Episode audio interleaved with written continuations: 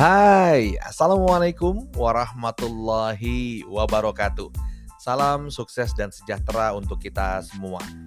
Teman-teman, ketemu lagi dengan saya Syamsul Hatta dalam podcast audio learning.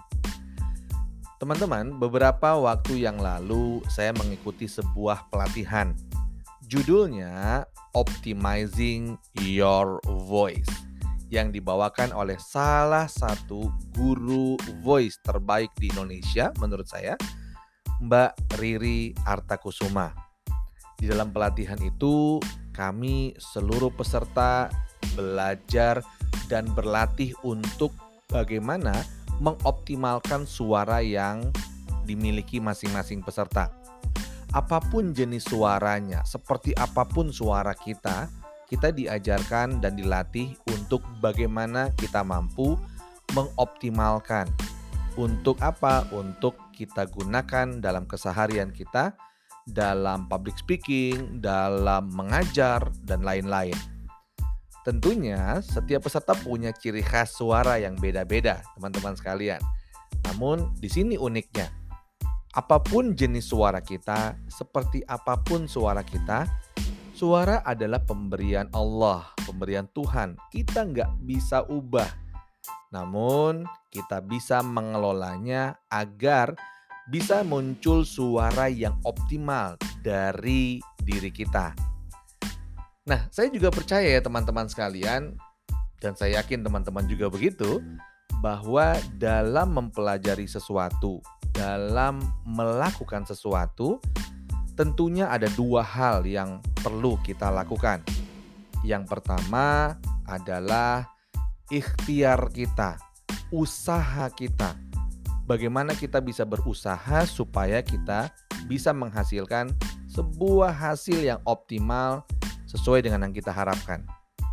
Yang kedua adalah tawakal ilallah, berserah diri, berdoa, memohon kepada Allah. Ini dua hal yang nggak bisa dipisahkan. Bagaimana? Saya yakin teman-teman juga punya pendapat yang sama dengan saya. Nah, dari sinilah kemudian dilihat bahwa saat belajar optimizing your voice, saya juga teringat dengan salah satu doa yang doa ini sangat nyambung sekali dengan apa yang diajarkan di dalam kelas tersebut. Ini adalah sebuah doa dari Nabi Musa saat menghadapi Firaun. Nabi Musa berdoa seperti ini kurang lebih teman-teman. Robbi srohli sadri wa yasirli amri wahlul ukhdatam milisani yafqahu qawli.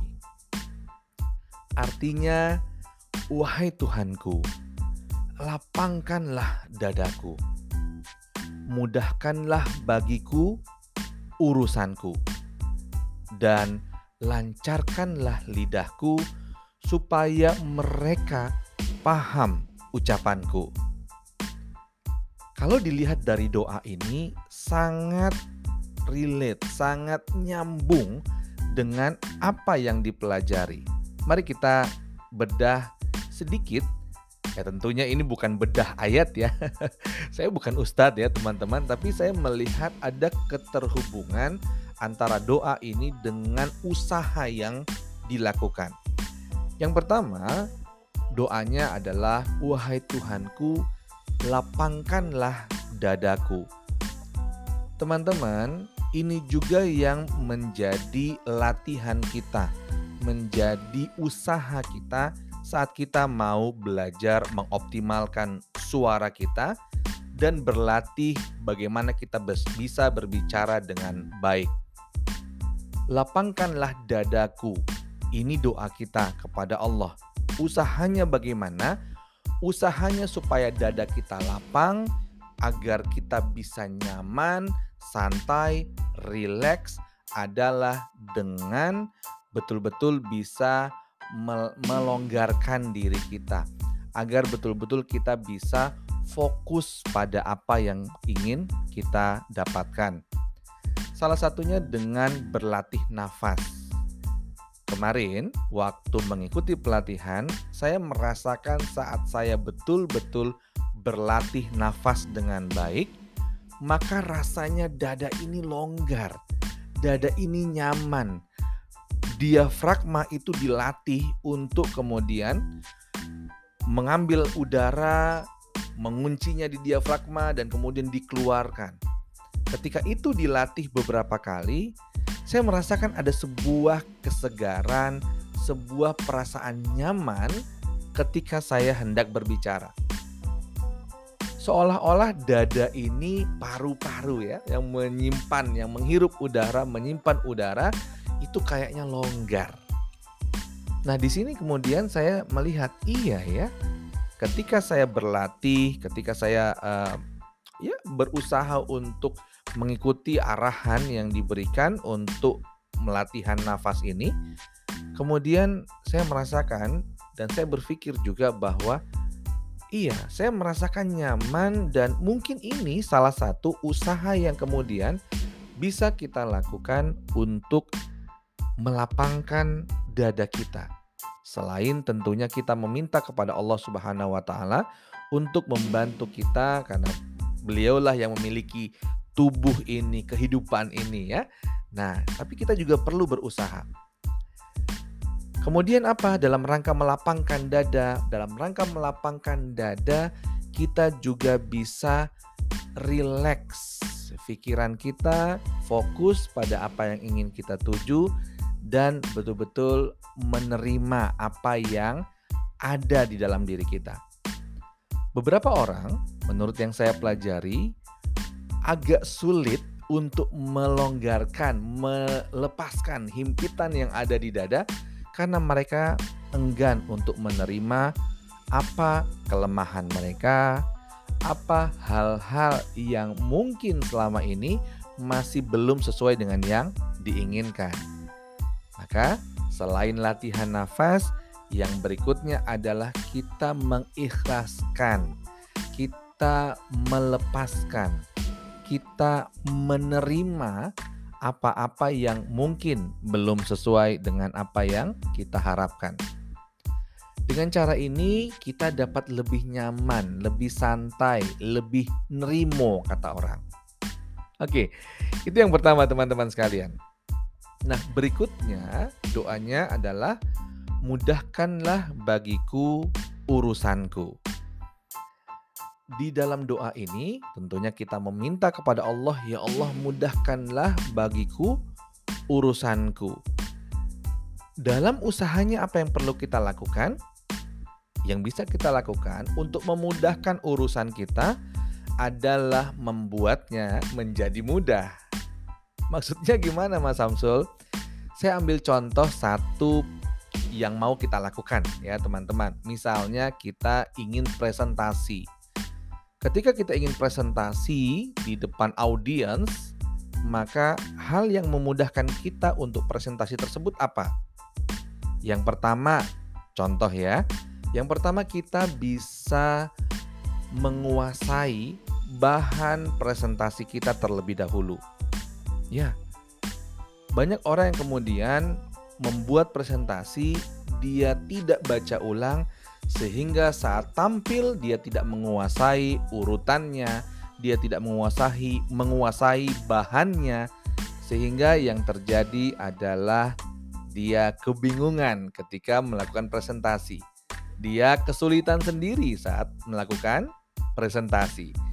Nah, untuk memudahkan kita, maka kita perlu untuk mempelajari, mengetahui terlebih dahulu bahan yang ingin kita presentasikan.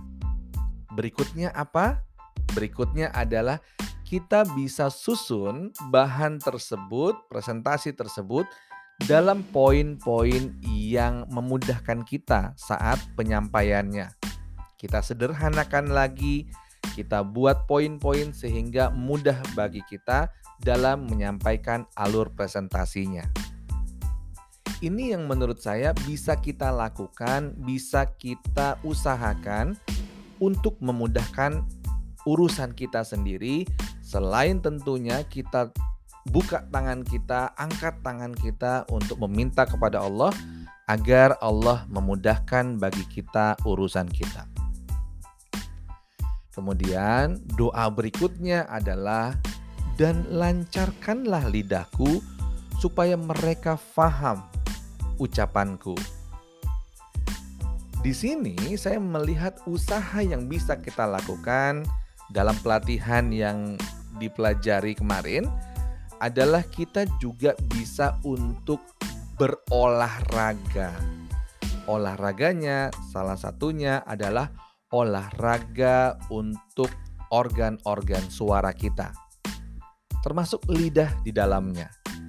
Jadi ada olahraga lidah ya, bagaimana kita membuat lidah kita lebih fleksibel.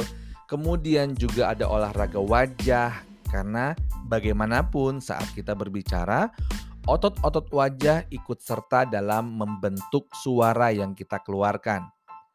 Juga olahraga nafas, diafragma, dan lain-lain. Nah, dalam hal inilah kita doa yang kita panjatkan adalah lancarkanlah lidahku supaya mereka faham urusanku. Dalam usaha kita, kita bisa mengolah organ-organ bicara kita supaya saat berbicara kita bisa menyampaikannya dengan baik, dengan voice yang baik, dengan artikulasi yang baik, dengan intonasi yang baik ya, dan juga dan juga dengan uh, aksentuasi ya. Aksentuasi itu penekanan-penekanan yang baik. Kita latih juga dengan apa? Dengan ekspresi yang baik. Di mana ketika semua itu selaras, maka informasi, pesan yang kita sampaikan dapat optimal kita berikan dan juga kita berdoa kepada Allah semoga Allah mudahkan dan Allah lancarkan lisan-lisan kita untuk kita sampaikan pesan-pesan yang ingin kita berikan kepada orang lain. Dan juga Allah bukakan pemahaman orang lain agar mereka paham dengan baik apa yang ingin kita sampaikan. Well, teman-teman sekalian, itu adalah yang saya pahami dan juga ya mungkin tips dari saya ya. Mudah-mudahan kita bisa betul-betul menselaraskan antara doa kita dan ikhtiar kita, usaha kita supaya kita bisa menjadi pembicara, menjadi public speaker ataupun kita bisa menjadi orang yang mampu menyampaikan pesan yang baik kepada orang lain. Dan semoga Allah ridho dengan itu semua. Sampai jumpa di podcast berikutnya. Saya Samsul Hatta. Assalamualaikum warahmatullahi wabarakatuh.